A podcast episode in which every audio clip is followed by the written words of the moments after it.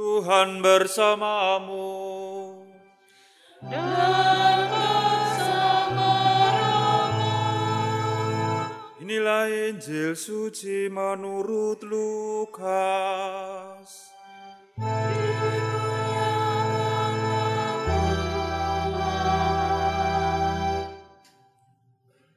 Pada suatu ketika, orang berduyun-duyun mengikuti Yesus dalam perjalanannya. Sambil berpaling, Yesus berkata kepada mereka, "Jika seorang datang kepadaku dan ia tidak membenci bapaknya, ibunya, istrinya, anak-anaknya, saudara-saudaranya, laki-laki atau perempuan, bahkan nyawanya sendiri, ia tidak dapat menjadi muridku." Siapa saja yang tidak memanggul salibnya dan mengikuti aku, ia tidak dapat menjadi muridku. Sebab siapakah di antara kamu yang kalau mau membangun sebuah menara, tidak duduk dahulu membuat anggaran biayanya? Apakah uangnya cukup untuk menyelesaikan pekerjaan itu? Supaya jika ia sudah meletakkan dasarnya, dan tidak dapat menyelesaikannya, jangan-jangan semua orang yang melihatnya akan mengejek dia dan berkata, "Orang itu mulai membangun, tetapi tidak dapat menyelesaikannya." Atau raja manakah yang hendak berperang melawan raja lain, tidak duduk dahulu mempertimbangkan apakah dengan sepuluh ribu orang ia sanggup menghadapi musuh yang datang menyerang dengan 20 ribu orang. Jika tidak, ia akan mengirim utusan selama musuh itu masih jauh untuk menanyakan syarat-syarat perdamaian. Demikianlah pula setiap orang di antara kamu yang tidak melepaskan diri dari segala miliknya tidak dapat menjadi muridku. Demikianlah sabda Tuhan. Terpujilah Kristus.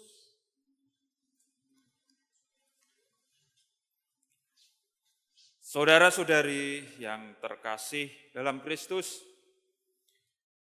saya yakin Anda sekalian di sini, mungkin terutama anak-anak muda sudah tahu atau terbiasa mendengar istilah follower ya. Sudah kan? Follower atau pengikut. Kalau dalam medsos itu makin banyak followernya, makin banyak pengikutnya, itu berarti orang ini makin terkenal. Orang ini makin populer. Dan itu yang menjadi salah satu tanda kesuksesan. Tapi beberapa minggu atau bulan yang lalu, itu saya membaca sebuah berita tentang fenomena jual beli follower atau pengikut di media sosial yang ditawarkan sebagai cara instan atau cara cepat untuk mendongkrak akun media sosial, Twitter, YouTube channel, dan lain sebagainya. Anda bisa mengeceknya itu sekarang itu dijual di toko-toko online. Ya. Saya kapan itu melihat, dan memang benar ya, asal Anda punya uang cukup, Anda bisa banyak mendapat follower. Dalam hitungan detik, Anda sudah bisa mencapai ribuan ratusan ribu. Namun yang menarik ini bahwa yang penting di dalam jual beli follower ini, dan ini permintaannya makin tinggi sekarang, yang diutamakan itu tentu bukan kualitasnya. Bahkan kadang-kadang follower yang dijual itu bisa jadi akun palsu saja, akun abal-abal. Yang penting adalah kuantitas, jumlah. Itu yang diutamakan. Makanya bisa dibeli follower-follower itu. Dan itu menjadi kasus di dalam ranah hukum karena kalau ketahuan itu berarti merupakan penipuan publik. Dan ini yang menjadi fenomena di dalam kehidupan masyarakat kita saat ini. Pengalaman lain itu ada seorang teman yang bercerita kepada saya, berbagi bagaimana hidupnya itu berubah menjadi lebih baik setelah dia itu menjadi follower ya atau bergabung atau ikut dalam sebuah kelompok. Kelompok ini uh, kurang lebih mengajak setiap orang itu melakukan self healing ya. Seperti semacam self hypnosis yaitu orang menyembuhkan diri dengan cara berpikir positif tentang hidup dan dunianya, tentang cita-cita masa lalunya. Meskipun keanggotaan kelompok ini itu mensyaratkan biaya yang tidak murah, ya, jadi kosnya itu tinggi.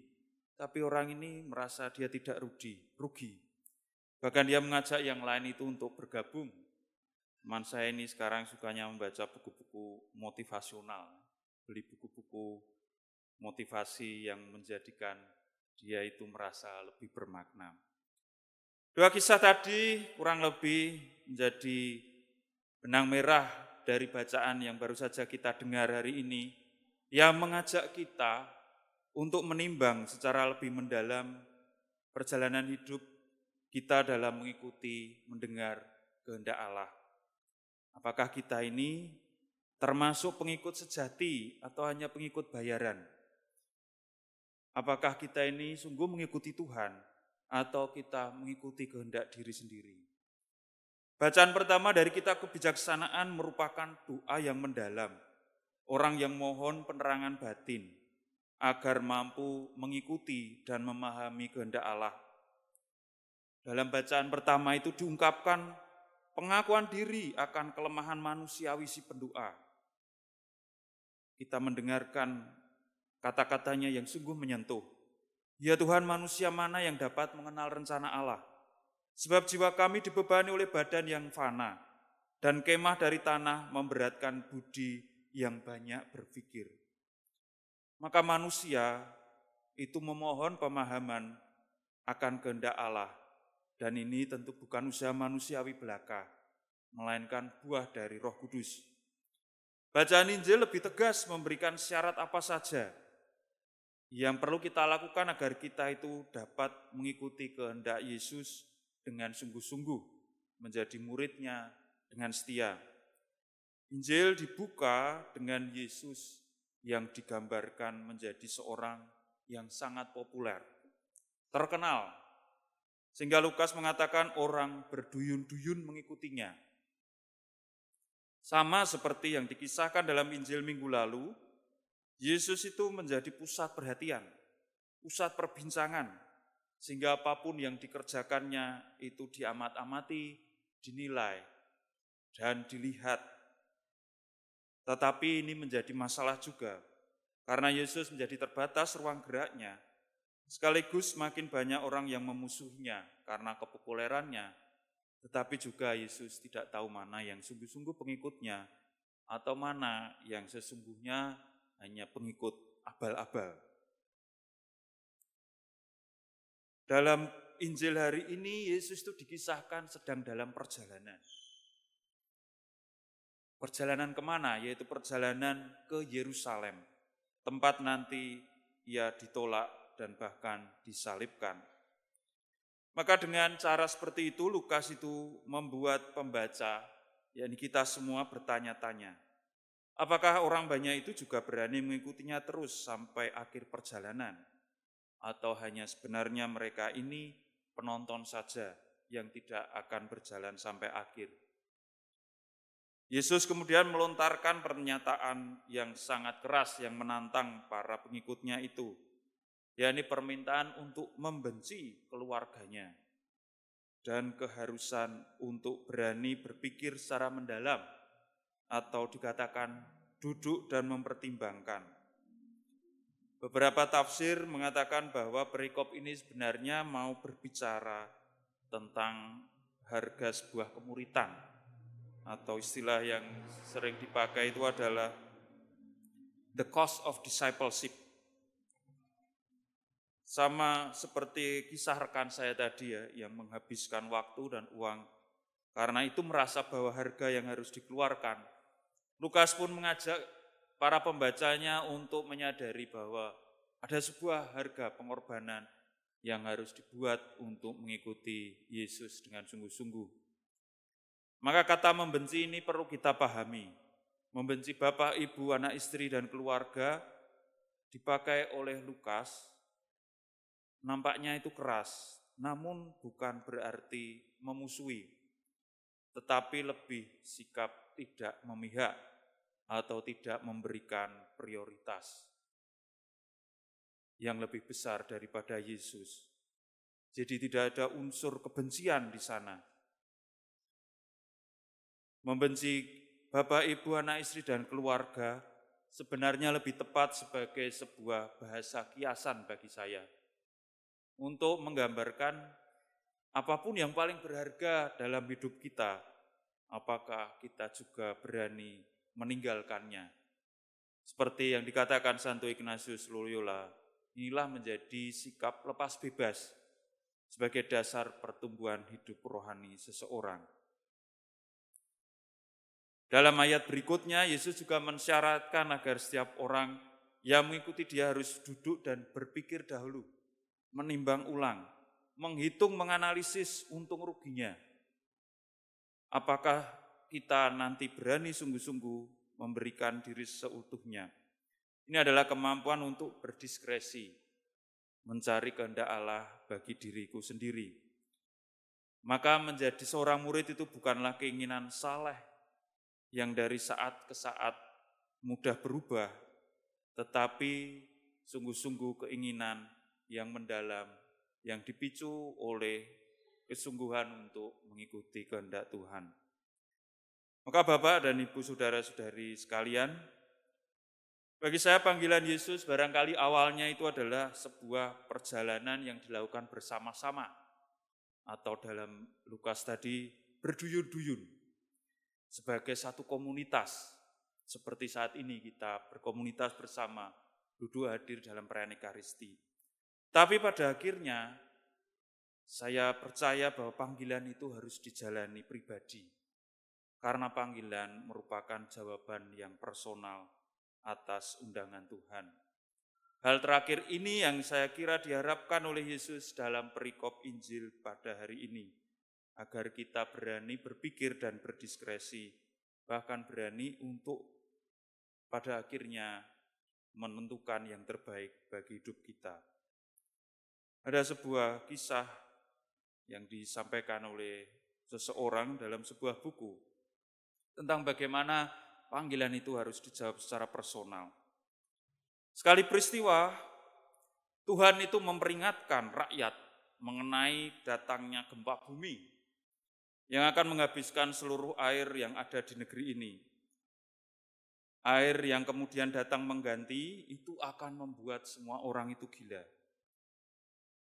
Tapi hanya nabi, seorang nabi yang menanggapi Tuhan itu dengan serius. Maka dia itu mengusung air banyak-banyak ke dalam guanya di gunung.